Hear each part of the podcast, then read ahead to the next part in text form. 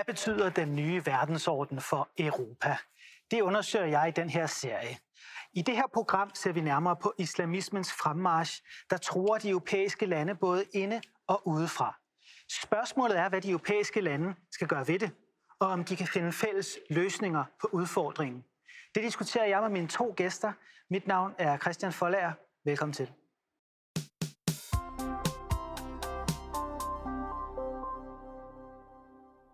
Og også velkommen til mine to gæster. Nasser Carter, medlem af Folketinget for Konservativ. Hvad går du og laver derinde på Borgen, Nasser? Der er en masse møder. En masse møder? Ja, ja. gruppemøder. Ja. Jeg har flere ordførerskaber, så der er rigtig mange møder. Beskæftigelse, udenrigs... Øh, ja. Men det går meget godt for konservative for tiden? Ja, det synes jeg. Ja. Vi er glade. Og Mathias Tesfaye, øh, udlænding og integrationsminister. Hvad får du tiden til at gå med for tiden? Først og fremmest den her coronasituation, som jeg er ved at være godt og grundigt træt af. Ja, så er det godt, vi skal tale om noget andet i dag. Ja. og jeg har inviteret jer herind for at tale om uh, islamismens fremmarsch, der jo både truer Europa indefra og udefra. Hvis vi ser på, hvad islamismen er, Nasser, den opstår i det 19. århundrede som en modreaktion på det osmaniske imperiums opløsning og krise – Altså det osmaniske imperium havde forsøgt gennem årtier at modernisere og efterligne Vesten, men uden held. Og i den situation, der er så en række islamiske lærte, som mener, at en tilbagevenden til det religiøse fundament i islam er løsningen på den krise, og at man skal arbejde for at få et islamisk samfund under sharia-lov, og man skal genoprette kalifatet. Det bliver så en løsning for dem til at revitalisere den islamiske verden og på en måde få modstå presset fra de europæiske stormagter. Hvordan kommer det ind i det moderne billede så, at vi har den her islamisme i dag? Er det den samme islamisme som dengang, der nu har vokset så stærk? Jamen, du har fat i noget rigtigt. Altså, islamisme er jo en politisk bevægelse, hvor man sammenblander religion og politik. En bevægelse, hvor øh, der var i udgangspunktet antitese til Vesten. Altså man forsøgte at gardere sig mod vestlig indflydelse, vestlig imperialisme, osv. Og så var der nogen, der mente, at den bedste måde at beskytte sig på, det er at vende tilbage til det oprindelige, tilbage til den første tid efter Mohammed. Og det vil sige, det er sådan en reformation bare øh, den forkerte vej. Og de første mange, mange år, øh, der udgjorde de ikke nogen magtfaktor. Det gjorde de først der, efter 1967-krigen, junikrigen, hvor den arabiske verden fik tæsk af lille Israel. Og øh, der kommer så islamisterne på banen og med mottoet, hverken øst eller vest, islam er bedst. Islam er løsningen på alle vores problemer. Og så får de virkelig blod på tanden, da Khomeini kommer til magten i 1979. Den islamiske revolution. Den islamiske revolution, ja. og han overtager øh, ligesom øh, dagsordenen. Øh, og der tænker islamisterne, både shia og sunnier, gud, det kan lade sig gøre at overtage et helt land og få magten der, fordi og Khomeini var jo shia, så sunnierne blev lidt nervøse for, at Khomeini skulle løbe med det hele. Og så begyndte man at konkurrere om at være mest ekstrem. Og øh, det er det, vi oplever i dag, øh, at øh, der er både shia-muslimske islamister og sunni-muslimske, de konkurrerer om den muslimske, muslimernes sjæl. Og, og det gør de på en måde, der efter min opfattelse er farlig. Og det gør de både i den muslimske verden, det gør de også i Vesten. Mathias, du har for nylig kaldt til kamp mod islamismen øh, her i Europa og i Danmark. Hvorfor tror du, at islamismen appellerer til så mange muslimer i Europa? Jeg tror, der er mange muslimer i Europa, som befinder sig i en identitetskonflikt måske i virkeligheden lidt parallelt til den situation, som mange befandt sig i i forbindelse med opløsningen af det osmaniske rige. Hvem er vi egentlig? Er vi øst, eller er vi vest, eller noget midt imellem? Og i hvert fald for mange unge kan jeg jo høre, når jeg spørger dem, øh, hvem er du? Hvor kommer du fra? Så siger de ikke Birkerød. Så siger de, jeg er tyrker. Og hvis man er rigtig uheldig, så siger de, jeg er ikke dansker, jeg er muslim. Altså deres identitet er ikke knyttet til deres øh, nationale tilhørsforhold, til det land, hvor de er født og opvokset, og måske endda har statsborgerskab. Deres primære identitet er knyttet til deres religion. Og den konflikt mellem ens religion og det sted, hvor man bor, er der nogen, der taler til. Den kamp om deres sjæl, som Nasser taler om, øh, er der også nogen, der fører på dansk grund. Der er nogen, der arbejder bevidst med at vende en del af befolkningen i Danmark imod det samfund, de bor i. Og øh, generelt set har de jo ikke held til det, fordi de fleste er jo faldet til at fungere i det danske samfund. Men jeg er forbløffet over, hvor mange unge, der måske ikke 100% har indoptaget alle de idealer, som islamismen er en del af, men alligevel abonnerer lidt på øh, krænkelses øh, øh, fænomenet, altså det, at, at samfundet ikke vil dem noget godt, men også, at øh, der nok er lidt om sagen, når man taler om, at, at øh, det vestlige samfund er dekadent og må gå til grunde, og at den eneste rigtige fremtid tilhører noget, der er mere religiøst. Ikke nødvendigvis så brutalt som det, vi så med islamisk stat, men så alligevel lader sig lidt inspirere af nogle af islamismens mere moderate kræfter, øh, som jo, det kan være den tyrkiske præsident, eller det kan være andre. Man kan jo sige, sådan som islamismen er opstået, er den vel en, et krisetegn og et udtryk for svaghed, i hvert fald fra et vestligt perspektiv. Men mange vil i dag måske mene, at islamismen står meget stærkt. Gør de det, altså, eller er det stadig et svaghedstegn, at man øh, er gået til isla- islamistiske lærte for at prøve at se, hvordan man skal reagere på den moderne verden? Men altså, den islamiske verden og den arabiske verden er et dybe problemer. Øh, den del af verden er gået nærmest i stå i forhold til fremskridt og udvikling. I forhold til, altså du har lande, hvor der ikke er frihed. Øh, du har ikke øh, udvikling. Og derfor, øh, det er faktisk det, der var baggrund for det arabiske foråret. Folk gad ikke det her mere. Og, og derfor var der nogle gode takter efter min opfattelse i starten af det arabiske foråret. Der var de unge ude på gaderne, det var ikke islamister. Det var faktisk unge, der sagde, vi vil have frihed, vi vil have, som de har det andre steder i verden. Og, men det, der skete senere, det var, at islamisterne hijackede øh, hele det, det ønske om forandring, ønsket om øh, øh, en hel måde, en ny måde at opbygge den islamiske, den arabiske verden på. Og da islamisterne overtog det hele, der gik det hele i, i stå. Så løsningen på den muslimske og arabiske verdens store problemer, det er altså ikke islam, øh, det er mere, det er mere frihed. Og øh, der blev lavet en rapport øh, af FN-organisationen UNDP øh, i øh, 2002, hvor man lavede sådan en tilstandsrapport om den arabiske verden. Og den blev offentliggjort øh, lige efter den 11. september og der var øh, det, man pegede på, altså hovedforfatteren til rapporten, han blev senere den første demokratisk valgte tunesiske præsident, Munsif Mazouk. Og han holdt pressemøde, da rapporten udkom, og der sagde han, øh, på sjovt, der sagde han, vi araber var bedst til alt for tusind år siden. Tænk på arabertallene. Vi opfandt nullet, men siden har vi befundet os i nullet. Øh, men hvad har vi egentlig gjort de sidste par hundrede år? Hvad har vi bidraget til civilisationen? udover falafel, øh, hummus og shawarma. Og det, der, de peger på i rapporten, den arabiske verdens største problem, det er manglende frihed, manglende kønsligestilling, manglende uddannelse i forhold til kvinder, stor korruption, øh, mangel på en øh, retsstat, øh, og, og, og det vil sige, frihed er forudsætningen for, at man kan udvikle sig, og islamisterne, de står for det modsatte af frihed. Så du lyder meget som øh, Macron, der også for nylig har talt om, at den islamiske verden og islam er, er, er i krise. Jeg mente det her før Macron. Det ved jeg. Det ved jeg altså. uh, Mathias, du har også for nylig været ude med nogle udmeldinger uh, efter inspiration fra Macron, og som sagt uh, tidligere kaldt til kamp mod uh, islamisme. Du kalder det ekstrem islamisme. Er det det, der er problemet?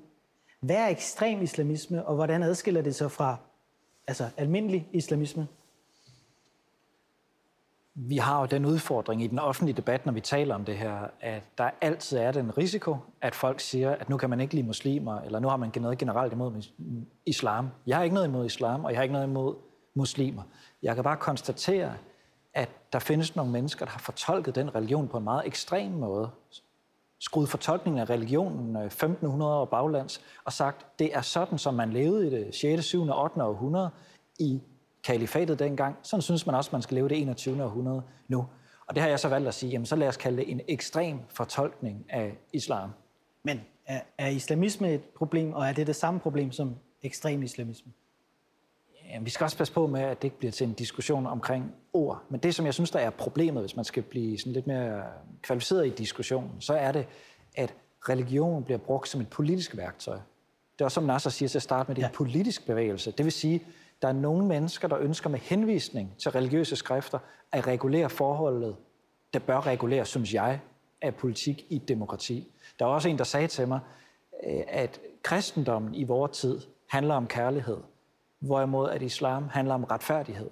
Altså, hvad synes man er retfærdigt? Det, Nasser og jeg, vi er medlem af hver vores parti. Vi er uenige om, hvad der er retfærdigt, om afgiften skal ned eller op. Det er vi to uenige om. Men det har vi så et politisk system til at regulere.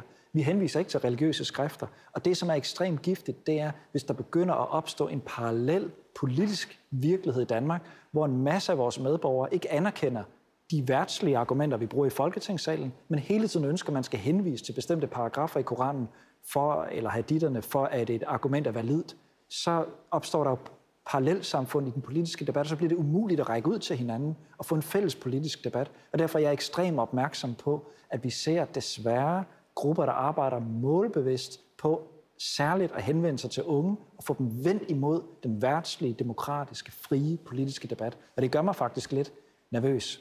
Men når du siger, at man sammenblander religion og, og politik, det er jo en lovreligion, øh, islam. Øh, er islam derved også et problem? Eller er det kun islamismen? Jamen, jeg mener ikke, at religion eksisterer uafhængigt af de mennesker, der er religiøse. Så folk beslutter sig jo selv for, om de vil bruge islam som et politisk program, eller som øh, et teologisk, øh, filosofisk skrift, som skal guide dem igennem livet. Det bestemmer man jo selv. Og der er masser af muslimer, der uden problemer kan fungere i et demokratisk samfund og holde øh, religion og politik adskilt. Jeg kan også bare konstatere, at der er flere og flere, sådan er min egen oplevelse, der væver det sammen og gør islam til et politisk program. Og ikke mere siger, jeg har lyst til at gå med tørklæde, men også ønsker at pådute en anden at gå med tørklæde. Og det er jo politik, hvis man ønsker at pådute andre mennesker noget. Og det er der, hvor jeg nok mener, at, at øh, det kunne være gavnligt, hvis europæiske muslimer øh, fik islam til at fungere på europæiske præmisser. En dansk islam. Ja.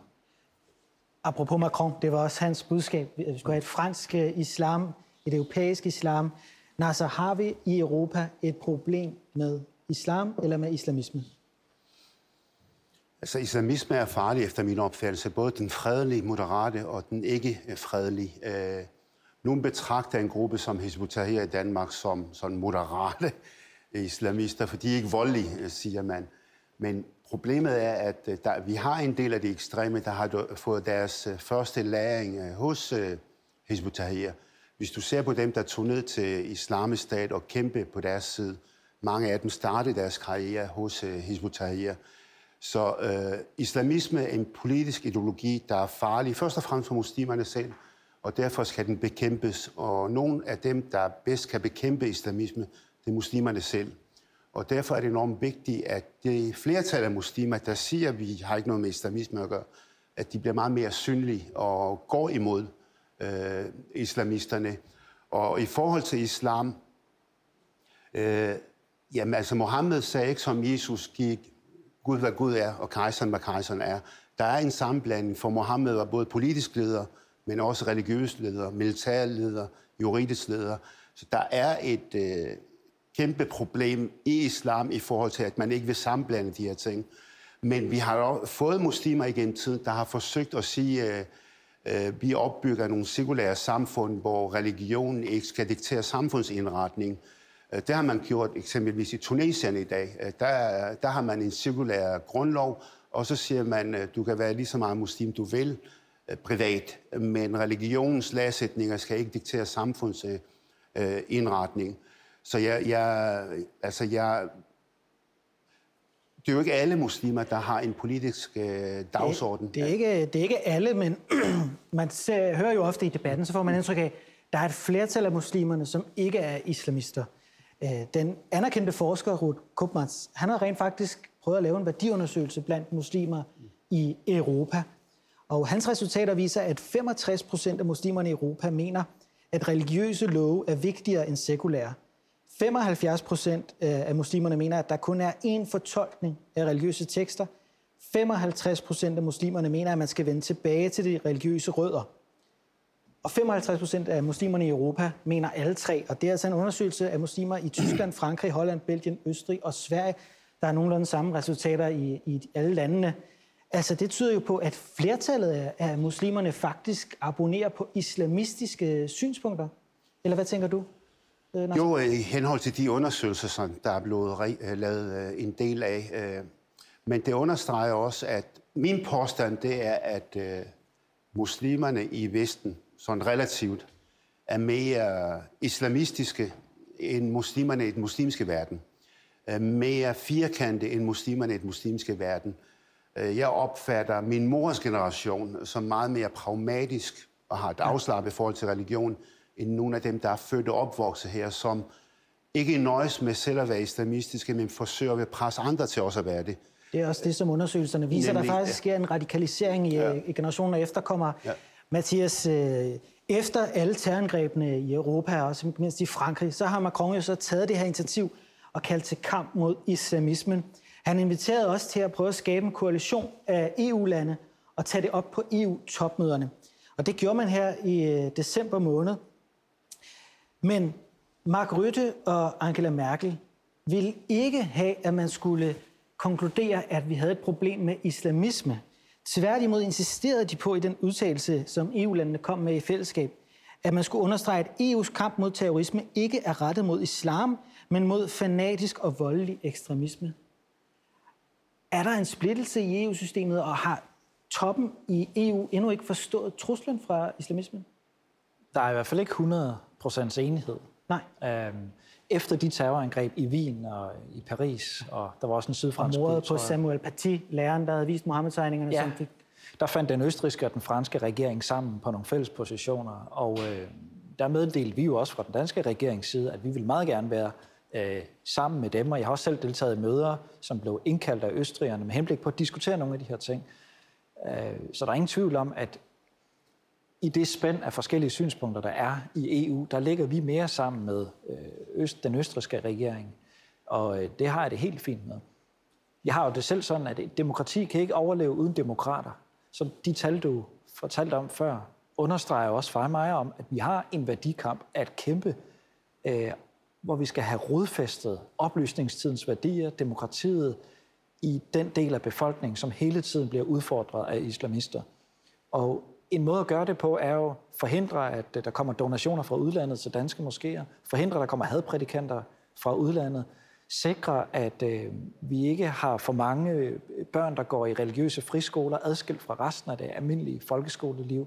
Det er fra dør til dør, fra meter til meter, kæmpe for, at demokratiet og oplysningstiden træder et skridt frem, og at vi ikke hele tiden lige giver os en meter og træder et skridt tilbage og siger, så skidevær med det, så er der ingen øh, mandlige livredder, når der er pigesvømning, eller så skidevær med det, så aflyser vi svinekødet i daginstitutioner, eller så skidevær med det, så kan folk gå med burka. Det, det bliver tit kaldt symbolpolitik, men det er jo alle sammen konkrete eksempler på, at et verdenssyn, som ikke er demokratisk, forsøger at trænge sig frem i vores samfund, hvor der er behov for, at vi står fast. Og nogle gange er der nogen, der synes, det er latterligt og symbolpolitisk, at man skal give hånd for at blive statsborger. Men det er et konkret sted, hvor vi siger til folk, demokratiet handler om, at man kan give hånd til både en kvinde og en mand, og dermed vise respekt over for både en kvinde og en mand. Og demokratiet handler om, at vi viser ansigt, fordi vi er individer. Der er ikke nogen, vi slører og, og afindividualiserer i det offentlige rum. Så på den måde, så øh, mener vi, at vi befinder os midt i en værdikamp, ja. hvor demokratiet må stå fast på sine principper. Og hvad skal, hvad skal Europa gøre så? Er det, en, er det en kamp, som de europæiske politikere kan kæmpe med lovgivningen? Altså, øh, du har jo selv oprindelse i Syrien. Ja, det lyder jo, øh, når jeg lytter til Mathias og, og, og til politikere, som om vi skal tage den her kamp fra hus til hus nærmest. Øh, altså, det, kan man det med lovgivning? Kan man overhovedet ændre folks værdier og, og, og deres måde at tænke på via lovgivning? Vi står over for en kæmpe udfordring. Altså, det er enormt vigtigt, at vi forsøger alt, hvad vi kan for at gøre, at islamisme ikke øh, spreder sig. Og hvis vi skal bekæmpe islamisme, så er det enormt vigtigt, at vi erkender, at der er et problem. Og det er det, der er problemet i øjeblikket. Vi har, altså, i Danmark, der har vi erkendt, at vi har et kæmpe problem. Frankrig har lige erkendt det, men du har nogle andre lande, der ikke vil Svigter anerkende det. Og jeg synes, det er, det er politisk korrekt, det er svigt, og jeg, jeg synes ikke, man kan være det øh, bekendt. Det er enormt vigtigt, at vi erkender, at vi, står, vi har et problem, men noget af det skal løses ved lovgivning, som Mathias har været inde på, øh, og øh, lovgivning kan godt øh, ændre på noget. Men der er også en del af det, hvor man skal udfordre folk på deres øh, holdninger, øh, reaktionære holdninger, øh, og det kan man gøre ved at udfordre dem i situationen. Og ikke mindst, som jeg nævnte tidligere, dem, der bedst kan bekæmpe islamisme, det er muslimerne selv, og derfor er vi nødt til at opfordre det flertal, der siger, at de ikke har noget til fælles med dem, at de går forrest i den kamp. Når der har været nogle terroraktioner eller andet, altså det er jo, det er jo tankevækkende, at øh, der var flere, der var ude at demonstrere mod tegningerne, Mohammed-tegninger, end der var ude at demonstrere mod den 11. september. Ikke? Altså det, det, det er helt vildt, at man, øh, man, er, man er optaget af det forkerte. Her for... Jeg lavede en Facebook-opdatering for et par måneder siden, da der var en masse øh, øh trusler mod øh, de franske journalister, øh, der genoptrykte øh, Mohammed-tegningerne. Og i Pakistan, på forsiden af Pakistan Times, øh, der så man nogle vrede pakistanere med, med krumsabler. De der tegner, de skal bare, øh, hvad hedder det, de skal bare henrettes. Ikke? Ja. Og samme dag, der var der en nyhed i Pakistan, hvor de pakistanske kvinder var ude og sige, at 85 procent af de kvinder, der bliver voldtaget i Pakistan, de bliver voldtaget inden for egen familie, af en onkel, farbror osv. Hvor jeg tænker, at gå ud og bruge så meget krudt på nogle øh, tegninger langt væk, frem for at bruge det på at forandre jeres land til det bedre. Så jeg synes, der er for meget fokus på det forkerte, og derfor er det vigtigt, at muslimerne selv også går forrest i den kamp. Og det har vi jo, det har vi jo hørt på øh, i årtier, kan man sige. Der, der sker så ikke nødvendigvis så, så meget. På europæisk plan er man så øh, fået det her forslag fra Charles Michel, formand for det europæiske råd, om at man skal uddanne imamer i Europa. Det er også noget af det, som øh, Macron har talt om. Han foreslår også, at vi skal have et forbud mod øh, udenlandsk finansiering af moskéer og en større indsats mod hate speech på sociale medier. Er det noget, som der kan findes opbakning til bredt i EU, og er det noget, EU kan gøre sammen, Mathias? Jeg tror, det bliver svært at få EU til at gøre det sammen. Men det er faktisk noget af det her, jeg har talt med nogle af de andre ministre fra andre europæiske lande om. Jeg er ikke lige selv indstillet på, at vi skal have en dansk øh, imamuddannelse. Det er i hvert fald ikke en del af regeringspolitik, okay. men, jeg, men jeg lytter der opmærksomt, når de fra flere forskellige andre øh, regeringer i andre europæiske lande siger, at det er noget af det, de går og pusler med.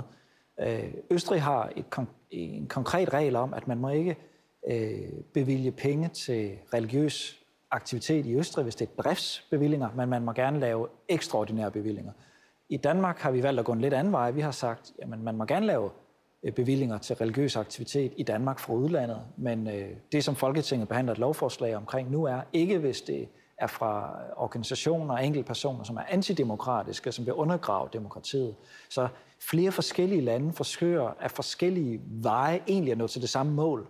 Og jeg er ikke sikker på, at vi i Danmark har fundet den helt rigtige løsning. Jeg, øh, nu prøver jeg, at vi forhåbentlig at vedtage det her, og så kan det godt være om to-tre år, vi finder ud af, at det Østrigerne har gjort er bedre, men så skal vi ikke være for pæne til bare at kopiere det, de har gjort. Det kan også være det omvendt, at de skal lære os.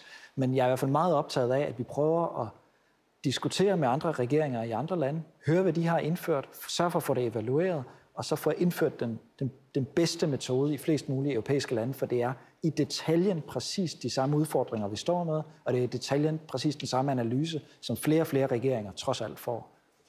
Er du enig i den, altså, at, at vi skal ikke nødvendigvis have EU-lovgivning, men vi skal lade os øh, inspirere af hinanden på EU-niveau? Udnytte hinandens erfaringer, lære af hinanden? Vi kan ikke få noget fælles i EU, hvad det angår. Øh, det tror jeg ikke på, for de lande vel noget øh, forskelligt. Og jeg synes, at vi i Danmark har i mange år været forreste land i forhold til at gøre det, der er nødvendigt. Vi har inspireret mange andre lande, og det synes jeg, vi skal øh, blive ved med. Altså i forhold til at øh, få en øh, imamuddannelse blandt de europæiske lande, øh, det kunne være fornuftigt at uddanne dem i, øh, i, øh, i øh, hvad hedder det, i, øh, i vestlig teologi, for det er jo sådan, når du læser teologi i Vesten, der, er du, der går du til kilderne kritisk. Men når du uddanner dig til imam, så er det ukritisk øh, i de der islamske centre. Og der det, øh, kunne det være måske fint at uddanne imamerne. Altså Danmark er for lille et land til at uddanne imamerne. Men på europæisk plan, der kunne man godt gøre det. Men samtidig kan man sige, så kan man ikke længere være imam i moskéerne, hvis man ikke har den uddannelse. For det, der er vores problem i øjeblikket, det er, at der er mange autodidakte imamer, og der er mange, der bliver sendt heroppe. Øh, altså, øh, dem, der kommer fra Tyrkiet, de er jo sendt af den tyrkiske stat, og meget inspireret af Erdogan og hans islamisme. Så hvis man kan sige, at hvis du skal fungere som imam, så skal du være uddannet øh, europæisk. Og så er der nogen, der vil sige, at det strider med grundlovs øh, paragraf om religionsfrihed osv. Det må man så se på. Men, men øh, har du den uddannelse, så kan du ikke fungere som imam, øh, hvis du ikke har det. Øh, det kunne være fint. Det kunne være en, en, en mulighed. Hvis vi nu skal prøve at se, se fremad også, et af hvad man måske kan blive enige om nu, du siger du, Nasser, at du ikke regner med, at man vil kunne blive enige om så meget. Men hvis vi nu skulle tage fra ønskelisten, hvad vil I så håbe på, at, at Europa kunne blive enige om? Eller hvad skulle der til for at rigtig få gjort noget ved det, Mathias? Jamen, det første og det vigtigste for at vinde værdikampen, tror jeg, det er at holde antallet af nyankomne nede. Fordi vi kan godt kæmpe for at overbevise en ny generation af, af børn af indvandrere om demokratiets velsignelser. Men hvis det bliver ved med at vælte ind med nye mennesker fra Mellemøsten, der vokser op i et andet værdisæt, så, så bliver vi slået tilbage i ludo hele tiden. Så derfor det at holde tilstrømningen i ro, øh, særligt fra Mellemøsten og Nordafrika, ikke bare et år eller to, som vi har det nu, men i en lang årrække, det vil give os overskud til at håndtere de integrationsudfordringer, som har håbet sig op igennem mange år i Danmark. Det tror jeg er det absolut vigtigste. Og så er det ellers en... Øh, øh, altså det er jo nærmest en dannelsesbevægelse, øh, vi, vi befinder os i. Øh, jeg har for eksempel spekuleret på, hvor har jeg selv fået min egen demokratiske dannelse fra? Jamen det har jeg fået ved det frivillige øh, idrætsliv. Jeg har gået til fodbold hele livet. Jeg har været øh, engageret i en fagforening i elevrådet. Rigtig mange danskere har jo på den ene eller den anden måde blivet tvunget til at sætte sig ned omkring et bord og lytte til, hvad mener menneskene egentlig over på den anden side af bordet, fordi vi er nødt til at få det her til at fungere sammen. Og øh, der er der sådan selv lidt optaget af, hvordan får man den næste generation ind i det danske folkestyre. Ikke bare ned og sætte et kryds hver fjerde år, men ind og deltage på en måde, hvor man er nødt til at anerkende andres argumenter, og også at det er værtslige argumenter, de argumenterer med. Det er ikke øh, religiøse argumenter. Har det også været en øh, dannelsesproces for dig selv? Altså, du udtalte øh, i forbindelse med din lancering af det her, det her initiativ og din inspiration for Macron, at Socialdemokratiet, eller du sagde ikke Socialdemokratiet, du sagde, vi har måske været naive. Er, er, det vi, er det dig, eller er det danskerne, eller... Det er i hvert fald mig selv. Ja. Øh, jeg tror også, så, det er mange du er andre. i en proces, hvor du... Ja, helt altså, sikkert. Altså, måske altså... også, er det, er det, at du skal lære at forstå betydningen af kulturen? Den er mere rodfæstet end, ja. end, end, end, end andre ting? Hvordan skal vi jeg så... Jeg er selv vokset op i en meget kulturel, homogen kultur. Ja. Og når man er det, det er de fleste af os jo, så kan vi ikke se skoven for bare træer. Vi tror, at alle andre mennesker er ligesom os. Og at deres forhold til religion er ligesom vores, ellers så bliver det det i hvert fald meget hurtigt. Men folk er jo indvandret fra nogle lande, hvor man ikke bare i siden 79 eller 67 eller noget, men i mange, mange, mange, mange år er vokset op i en komplet anderledes kultur end vores. Og selvfølgelig er det ikke sådan, at når de træder ind over Crusoe-grænsen, så pludselig så er de smidt hele deres syn på kvindens rolle i familien, børneopdragelse, forhold mellem politik og religion og øh, øh, retsstat og meget. Selvfølgelig ligger det ikke på den anden side af grænsen. Selvfølgelig tager de det med sig. Man kan også prøve at vente den på hovedet og sige, hvis jeg nu udvandrede til Polen og tog mine børn med til Polen, så vil jeg jo opdrage dem med, at abort er i orden. Homoseksualitet er i orden. Det vil jeg da opdrage mine børn med. Også selvom resten af det samfund, de voksede op i, ville mene noget modsat. Jeg vil da holde fast i mine værdier. Det er der, der er ikke noget at sige til. Det gør mennesker. Sådan er vi indrettet. Og det gør de mennesker, der kommer til Danmark også. Og derfor er det et langt, sejt træk at overbevise folk. Heldigvis har vi noget at stå på. Øhm, en stor del af den første indvandringsbølge, vi fik, altså efter gæstearbejderne, det var jo iranere, der kom hertil i starten og midten af 80'erne. De flygtede jo faktisk fra islamismen, så vi har jo noget at tale ind i. De, de ved godt, hvad det handler om. Og det er også der, hvor jeg nogle gange synes lidt, at min egen røde side af dansk politik, det bliver nogle gange sådan lidt øllebrødsagtigt. Fordi vi, vi taler nogle gange, synes jeg, vi ender med at tale lidt ned til indvandrerne. De ved godt, hvad islamismen gør. De ved godt, hvad det har gjort ved deres samfund. Den erkendelse skal vi jo tale ind i og sige, det gider vi ikke have til Danmark. Vores samfund er meget bedre. Der er en grund til, at I er udvandret derfra og indvandret herfra. Det er, fordi det er et dårligt samfund, og vores det er gode samfund. Det lyder jo næsten som om, du er blevet lidt konservativ, uh, Mathias. Betydning af kultur. Øh, hvis det er konservativt, så ja. ja. Men jeg, jeg, jeg tror også, du ved, kultur betyder noget, øh, når du begynder at mixe folk med forskellige kulturer. Ja. Så længe vi alle sammen er vokset op med Olsenbanden og Nissebanden, så, så betyder kultur ikke så meget, fordi Det er, det er så... Øh, Der er en kultur. der er en, det er mainstream. Det er jo i kulturmødet, man bliver interesseret i. Hvem er jeg egentlig selv? Og hvem er de andre? Og det, er, øh, det kommer til at tage lang tid, det her. Det, det er jo dybden i udfordringen. Det kunne være interessant at høre fra dig, Nasser, fordi du har jo så set alt det her udefra. Øh, Men du er jo også et eksempel på, at man så kan tage Vesten til sig, få vestlige værdier, blive dansker øh, eksempelvis, eller det kunne jo så også have været franskmand eller tysker, eller hvad, hvad det nu end, hvor end du nu havde været havnet henne.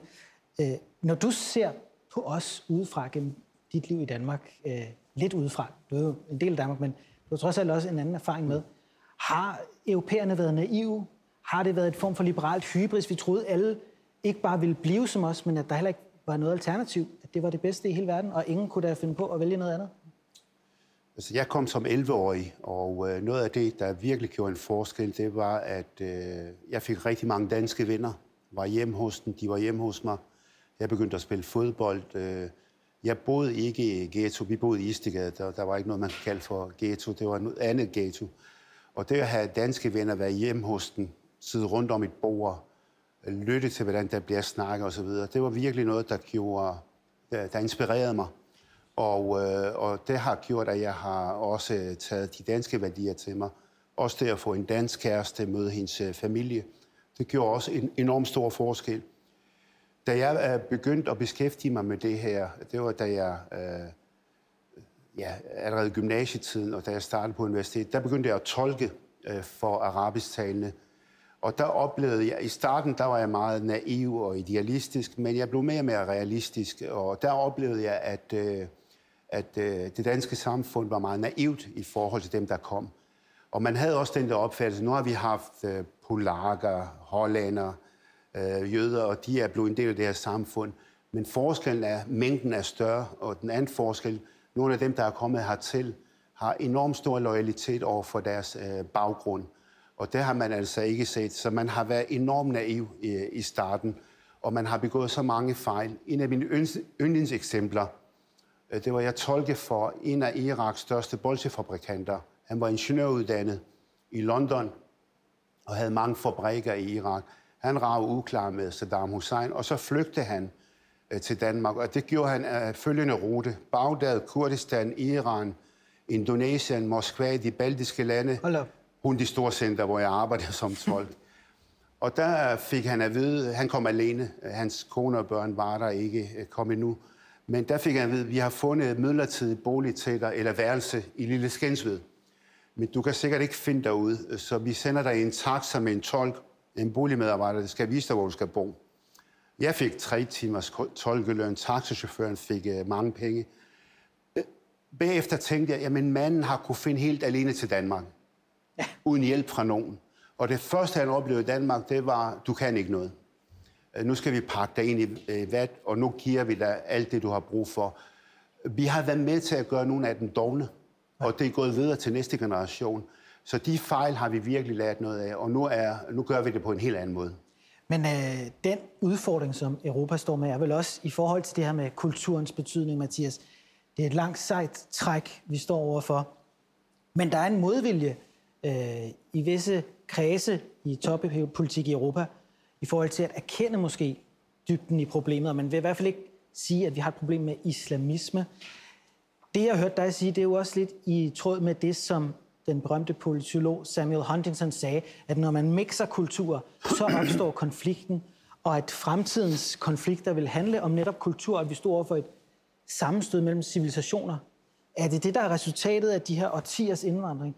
At Europa nu skal erkende, at civilisationernes sammenstød finder sted i Europa, i vores egen civilisation.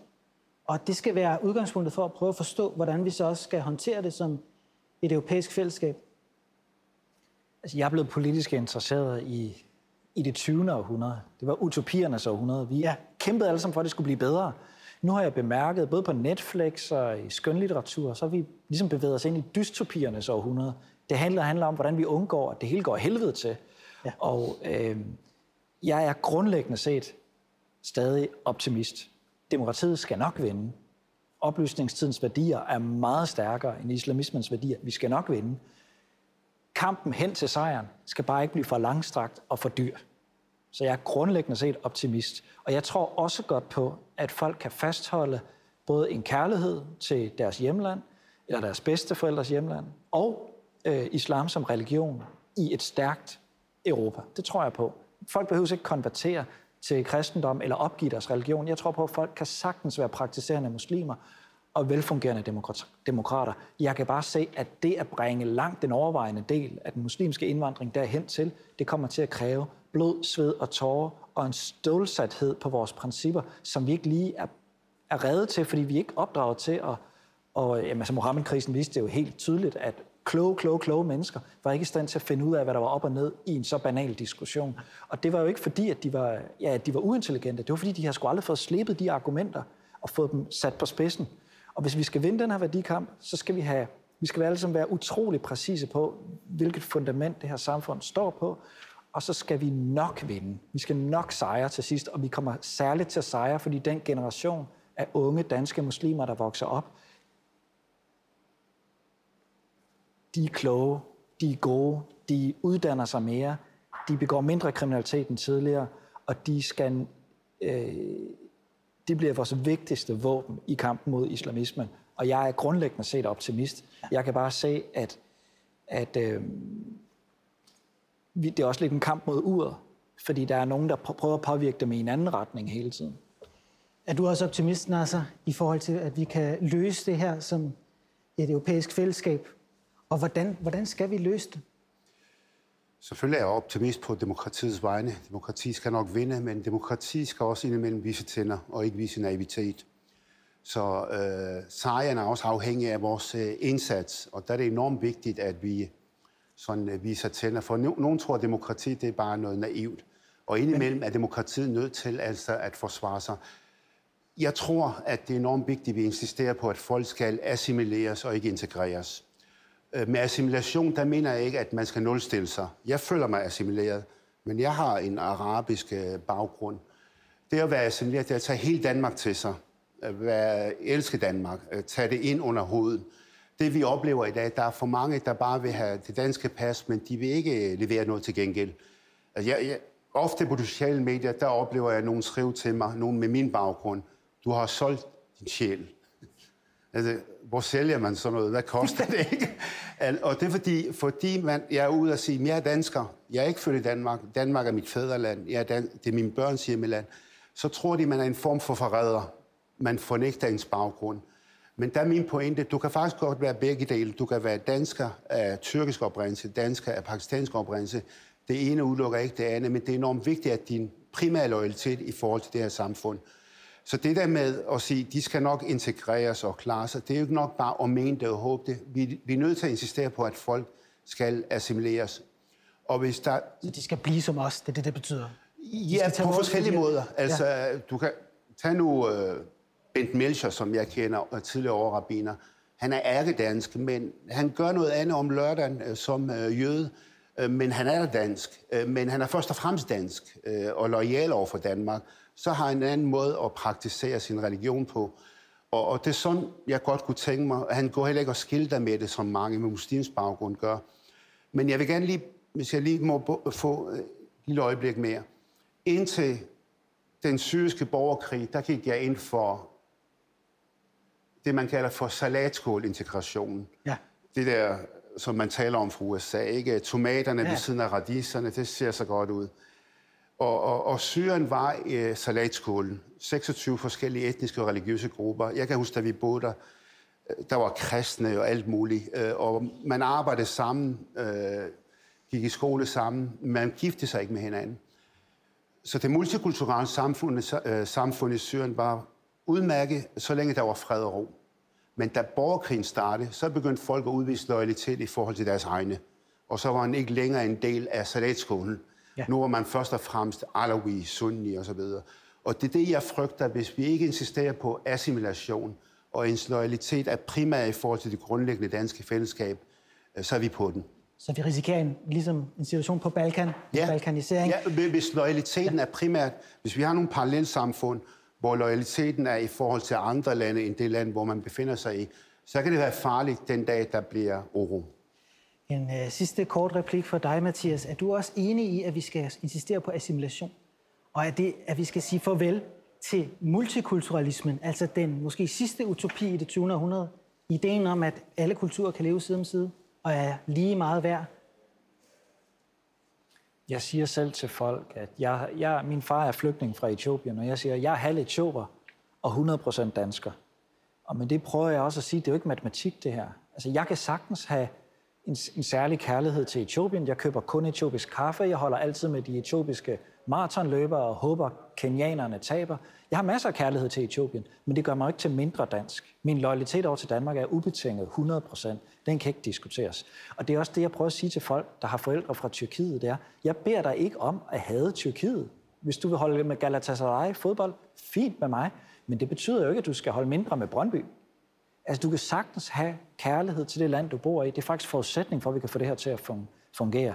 Og som særligt som socialdemokrat vil jeg sige, jeg er jo tilhænger af et forholdsvis højt skatteniveau, omfordeling, social omfordeling, hvor vi fordeler meget økonomi mellem landsdele, mellem generationer, mellem sociale øh, klasser.